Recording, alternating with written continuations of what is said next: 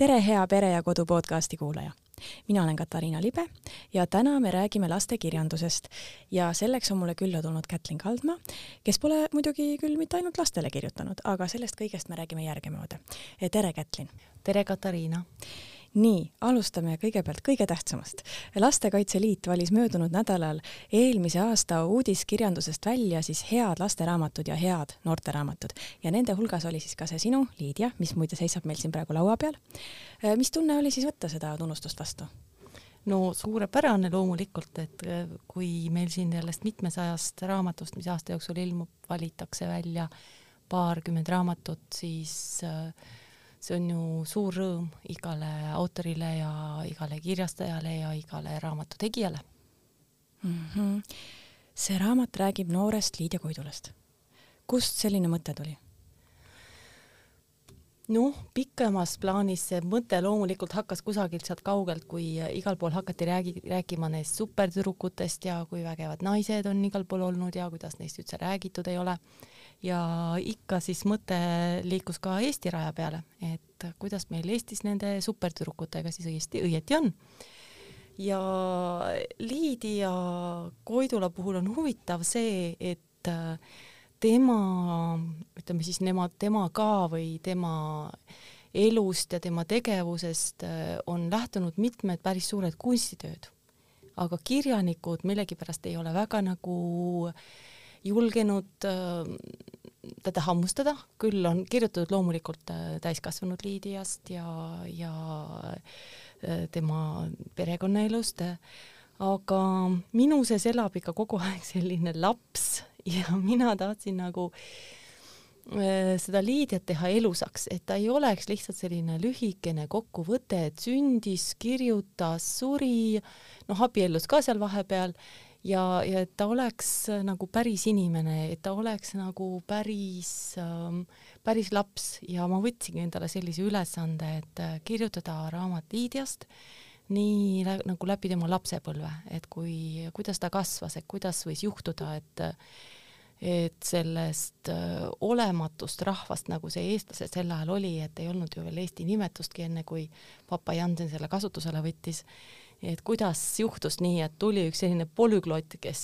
äh, nagu oskas tegutseda nii mitmes keeles nagu viies erinevas keeles, tõlkis siit-sinna äh,, kirjutas äh, kirju, kirjutas ajalehte, oli tegelikult ju sisuliselt teine eestikeelne ajakirjanik, teine eestikeelne ajalehe toimetaja ja esimene naine selles rollis.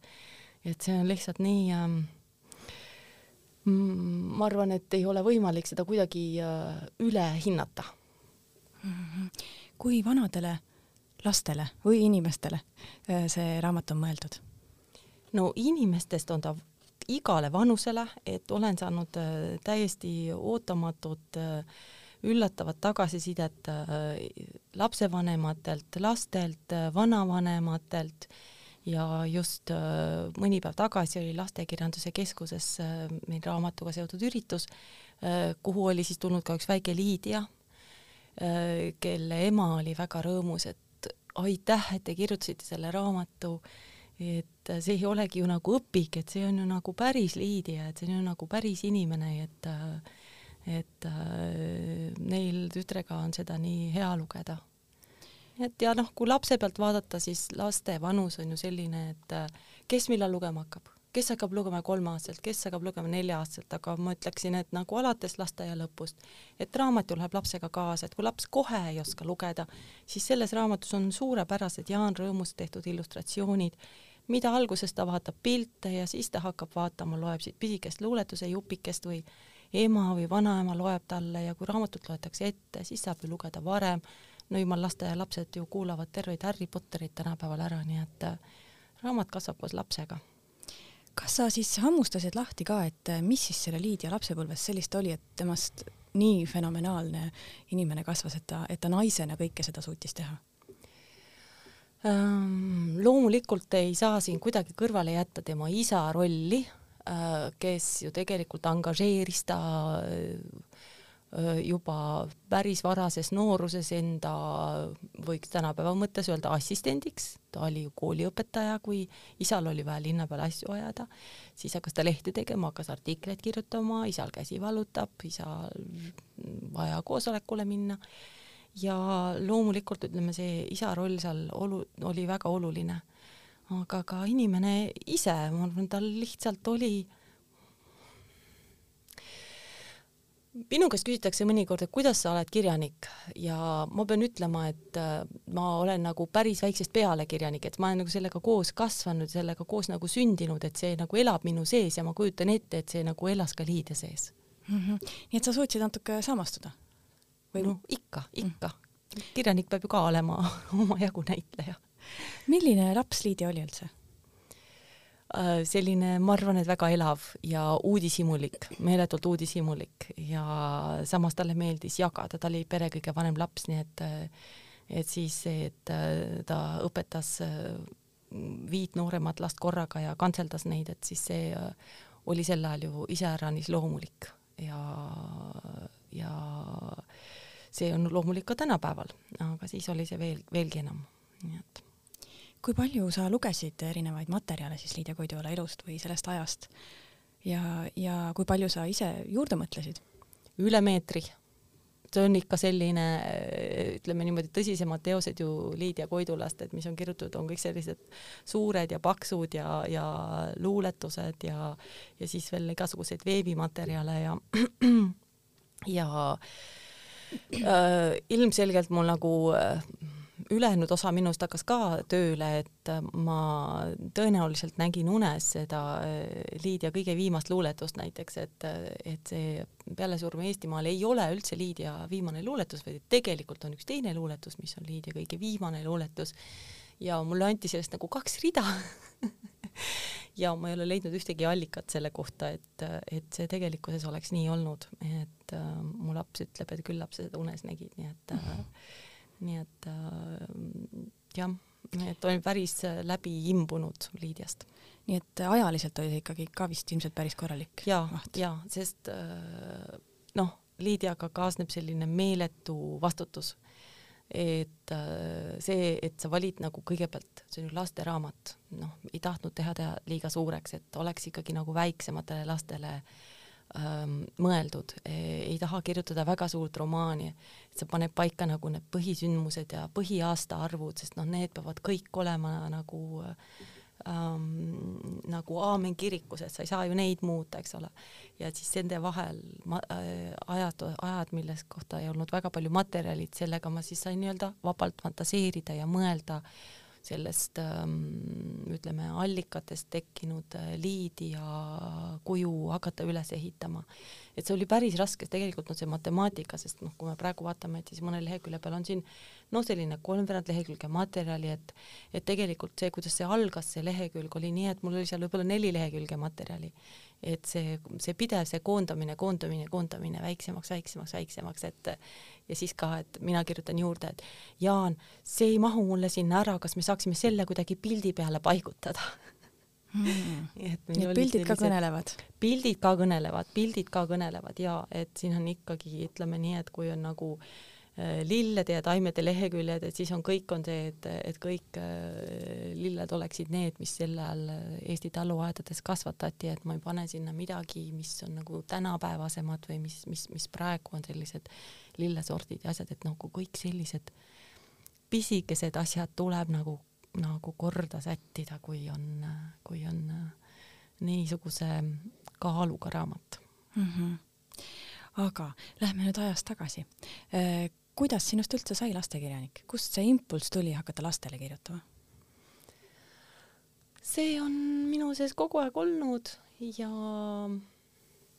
mõned inimesed on kassiinimesed, mõned inimesed on koerainimesed ja ma võin nagu samamoodi öelda, ma olen nagu lasteinimene, et ma nagu suhestun kuidagi äh, enda nagu sees lastega, mul on nagu kontakt selle iseendaga, nagu ma olin laps ja, ja oli väga hea kontakt oma tütrega, kui tema oli laps, nii et, nii et ma nagu ei karda seda äh, lastekirjanduse žanri äh, sugugi. ja lapsed on äh, väga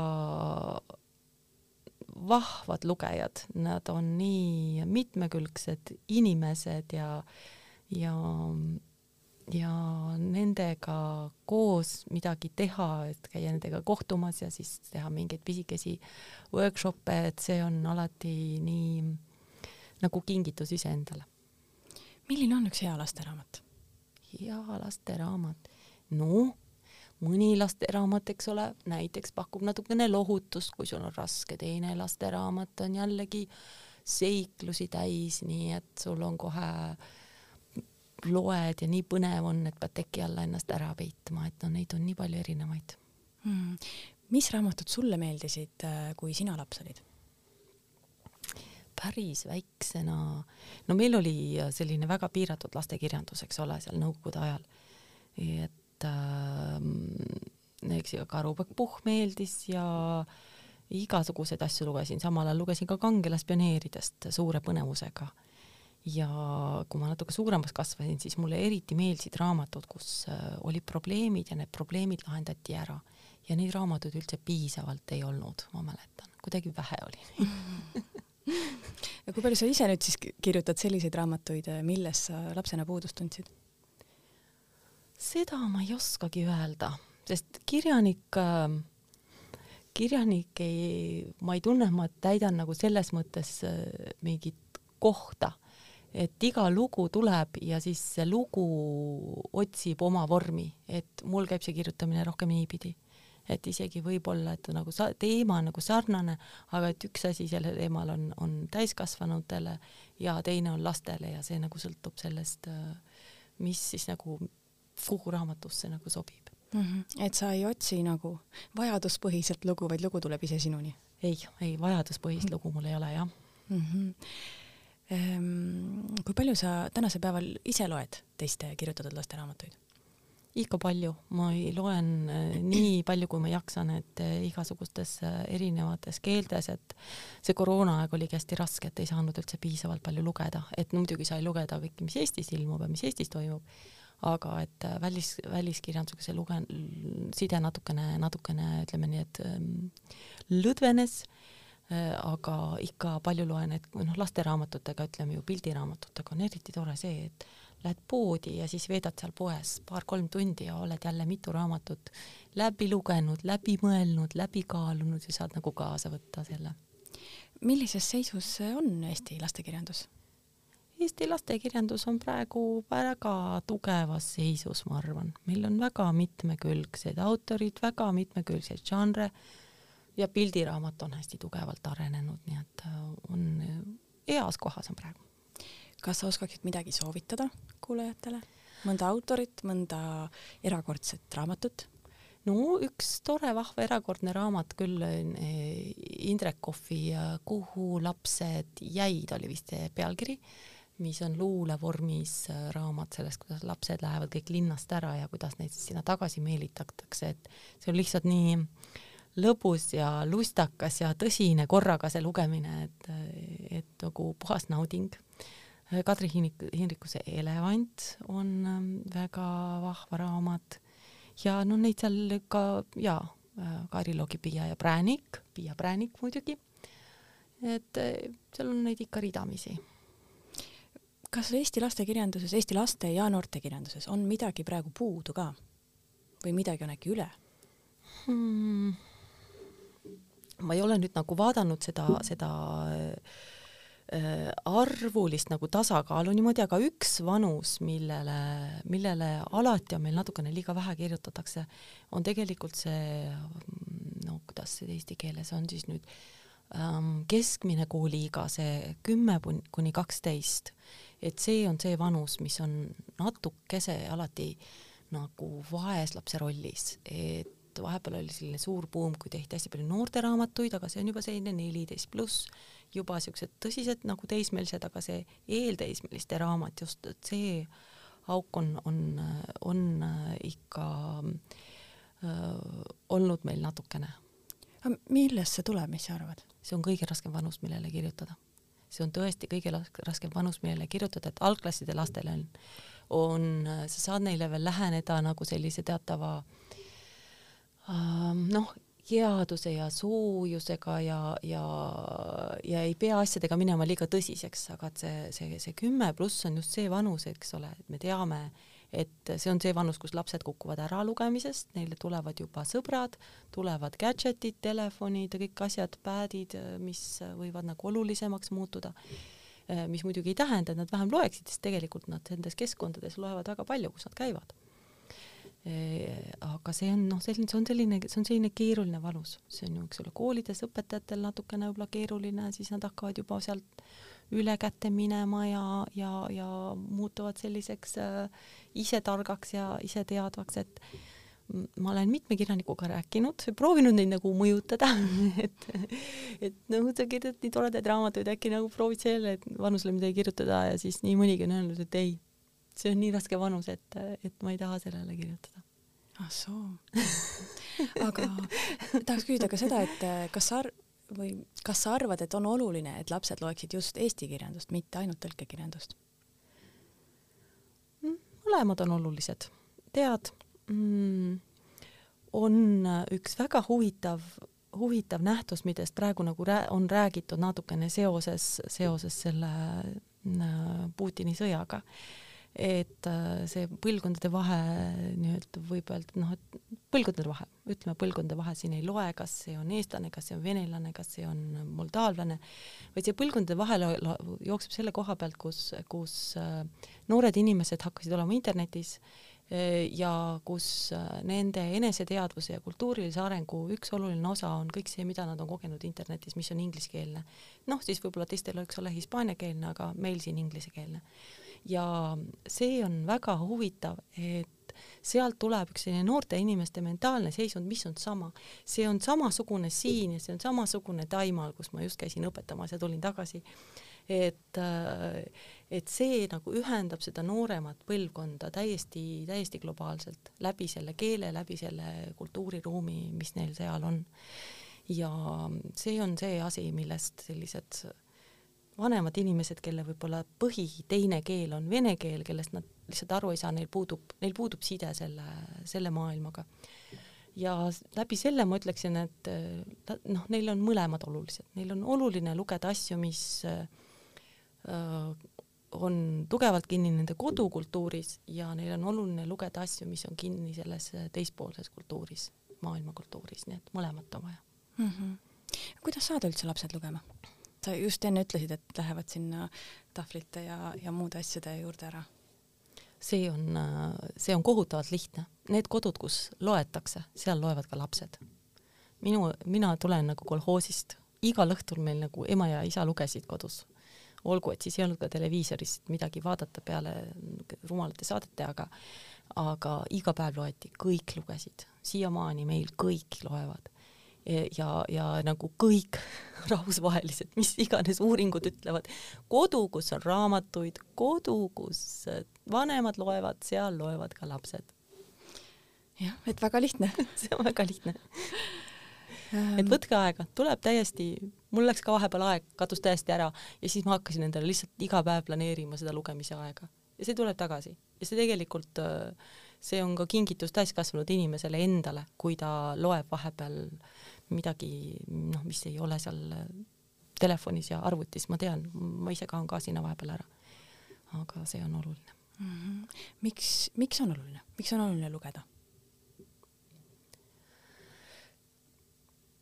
sest lugemine muudab inimese mõtlemist ja paneb, lugemine on kõige keerulisem ajaviitmise vahend sellepärast, et sa pead mõtlema kaasa teised nagu vormid, need tulevad nagu ise su sisse, muusika tuleb sisse nii, et sa isegi nagu ei pane tähele, et su ümber on muusika, et et Rahvaraamatus jälle mängib sama muusika, jälle mängib sama muusika, sa ei pane seda isegi tähele, sest see lihtsalt tuleb su sisse, eks ole. filmi vaatad, telekat vaatad, see ka lihtsalt tuleb su sisse, sa ei pea nagu ise midagi tegema. aga kui sa hakkad lugema, siis hakkad mõtlema ja see on see on keeruline. see on miks kurjadele türannidele ei meeldi targad rahvad kui nad loevad, siis nad mõtlevad ja, ja, ja nad oskavad oma mõtteid nagu laiemalt ka ühiskonnas rakendada ja et see on see, see teeb asja nagu keeruliseks, aga see teeb selle asja ka vajalikuks mm. -hmm. nii et sinu peamine point nii-öelda on see, et, et lugemine arendab mõtlemist. jah mm. -hmm. aga tulles tagasi jälle sinu juurde, äh, milline laps sina olid, me rääkisime enne Liidiast, milline laps tema oli. sa oled tegelikult kirjutanud sellest ju ka mitmes raamatus oma lapsepõlvest natukene. jaa äh,.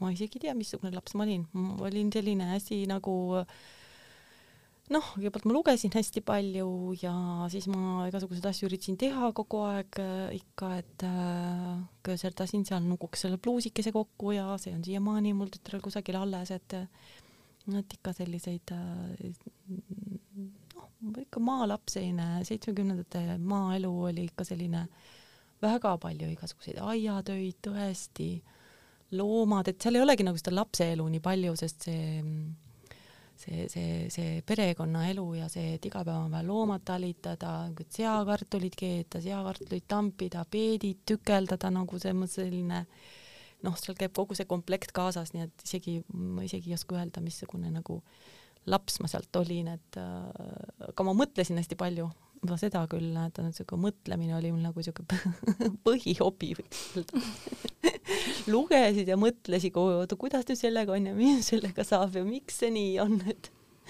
et küsimusi, küsimusi oli palju vastuseid oli vähe.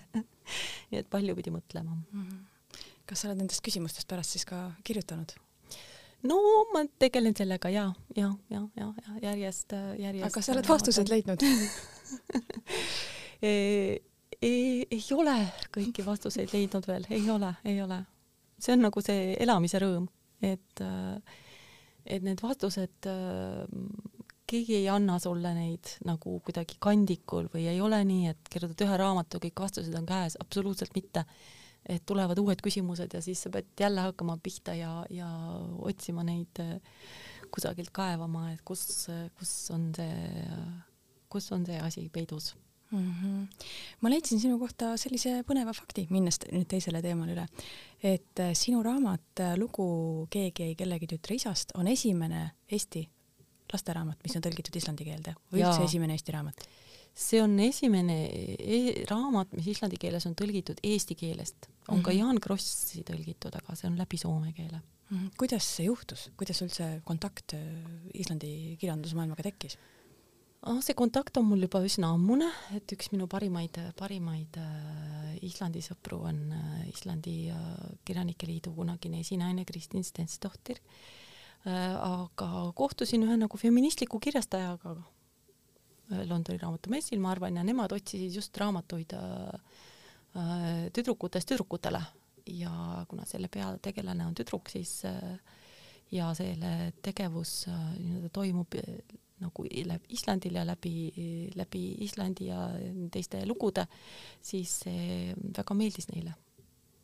ja siis Islandil on meil Lemmelinda Olavsdohtir äh, tänapäeval, siis, siis tema tõlkis selle raamatu islandi keelde. et kuidas see seal vastu võeti Islandi laste poolt? no mulle tundub küll, et väga soojalt, et ma käisin ise seal lastega kohtumas ja nendega rääkimas ja meisterdamas ja äh, ja siis veel teist korda ka ja, ja on olnud väga meeldiv ja tore vastuvõtt, et äh, Islandi lapsed ja islandlased armastavad raamatuid ja igasuguseid erinevaid lugusid, et need on neil nii äh, äh, noh, olulised. kui palju üldse on sinu teoseid tõlgitud? ma ei pea kontrollima, aga raamatutena on ilmunud umbes kuues-seitsmes keeles aga ütleme nii, et ähm, üksikuid asju tõlgitud siis äh, iga päris palju, et luuletusi, ma mõtlen, on äh, rohkem kui kolmkümmend keelt, millesse on tõlgitud, et äh, väga umbes korea keelest ladina keeleni, et et selline suur, päris lai ampluaa mm. -hmm. aga täitsa lõpetuseks räägiks natukene ka sellest, et sa kirjutad ju ka täiskasvanutele. kumb sihtrühm sulle siis südamelähedasem on? Lapsed või täiskasvanud? mõlemad on väga olulised ja seda on väga raske öelda, aga nagu ma ütlesin, et kui nagu lugu tuleb, siis lugu võtab vormi ja leiab endale selle, selle lõpliku tee välja, et siis, siis sellest kuskil poole peal see nagu kujuneb. poole peal kujuneb, et kas sellest tuleb nüüd lastelugu või sellest tuleb nagu suurte lugu. nii et äh, mõlemad on olulised. Aga kas sa oskaksid sama lugu jutustada siis ka nii lastele kui ka täiskasvanutele, kas sa oled proovinud seda? ma ei ole seda seni proovinud aga mis sa arvad, kas on teoreetiliselt võimalik äh,? on küll, on küll. lihtsalt seal on nagu ütleme, sellised tulevad nagu, kuna ma kirjutan praegu pilve, see on selline nagu, kus on nagu kogu materjal koos ja siis sa nagu download'id sealt pilvest mingeid erinevaid äh,, erinevaid asju. Ja mul on nagu selline kirjutamise meetod, et mingil hetkel ma lihtsalt kirjutan, et see on nagu vaba kirjutus, ma lihtsalt kirjutan kõike, et, et, ennast mitte piirata, et endale mitte panna pidureid peale, lihtsalt kirjutad nagu, nagu mis tuleb ja mis keeles tuleb ja kuidas tuleb. Ja siis pärast loed üle ja hakkad nagu tõstma failidesse lahku ja siis sealt tuleb nagu see, et ahah, oota, see läheb pigem lastekasse, see läheb nüüd pigem sinna suurte teemasse, onju. et see ikka tuleb nagu selliste lisa feature'de pealt, onju, et näiteks järgmise raamatu peategelane on laps, aga see ei ole lasteraamat, et et noh, et mis selle, mis selle teeb nagu täiskasvanute raamatuks, et ongi, et sa mõtled nagu selle seltsimees lapse peale või siis seitsmenda rahu kevade peale, et nende peategelane on laps, eks ole, aga need on suurte raamatud seal ongi see, et kui sa võtad sealt ära kõik need ähm, täiskasvanutele ja nendele äh, väga negatiivsetele asjadele viitavad vihjed, siis sa võib-olla saaksid sellise lasteraamatu sealt välja, välja koorida mm. -hmm.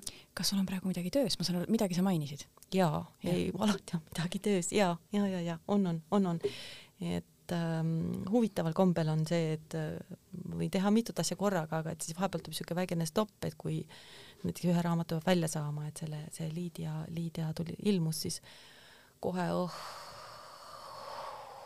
suur vabanemine tuli. ja siis saab vaikselt hakata jälle? ja siis jah, nüüd, nüüd ma olen juba väga juba järgmises asjas sees. nii, aga ma täitsa lõpetuseks küsiks seda, et kuidas sa kirjutad? Äh, kui kaua sa kirjutad, kas sa paned endale iga päev mingisuguseid ajalisi äh, nagu eesmärke, et kui palju sa pead kirjutama või tähemärkide või sõnade eesmärke või?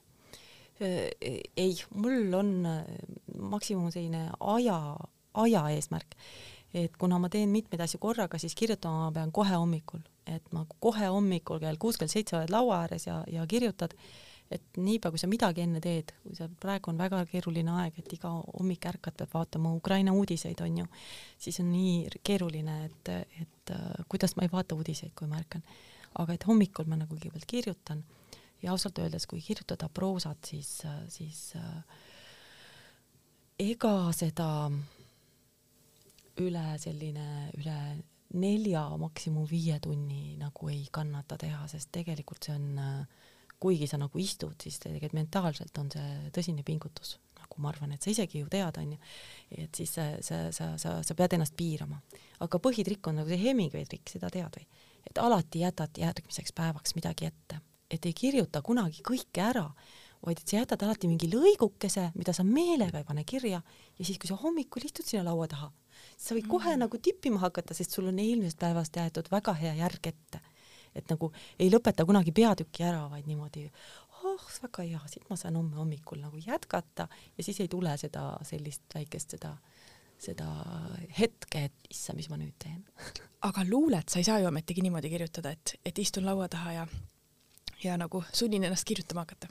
Ei, ei, ei, ei, ei, ei, ei, luule, luule ajab mind taga nagu mingid suured karud või mingid elukad, et äh, luule tuleb nagu selja tagant nagu selline tõesti nagu mõnikord nagu nädalate viisi nagu mingi luuletus ajab mind taga, et no mõnikord juhtub loomulikult selliseid väga spontaanseid, et tuleb, tuleb ja, ja kirjutad ja lendab, aga enamasti see toimub sellise nagu ka nagu lõngakera kerib, kerib, kerib, kerib, kerib ja kasvab aina suuremaks ja aina suuremaks ja siis on siin nagu selja taga siin kukla peal niisugune mingi suur selline äh, asi ja siis, kui sa tunned, et karu on nagu nii lähedal, et siis äh, siis lõpuks nagu istud maha ja tõesti nagu siis nagu ka nagu siuke download'id, et oh, siis kõik tuleb. aitäh, see on küll väga-väga lahe kirjeldus, millega lõpetada see podcast. aitäh sulle, Kätlin, et sa tulid jagasid äh, seda, kuidas ja miks sa kirjutad ja, ja rääkisid natukene sellest Liidiast ka. ja aitäh kutsumast, oli väga põnev. Aitäh, armas kuulaja, et sa meid ära kuulasid. ma loodan, et sulgi oli põnev. Ja seda Liidia raamatut saab siis vaatama minna raamatukokku või raamatupoodi. Ja järgmine saade on üleval nädala pärast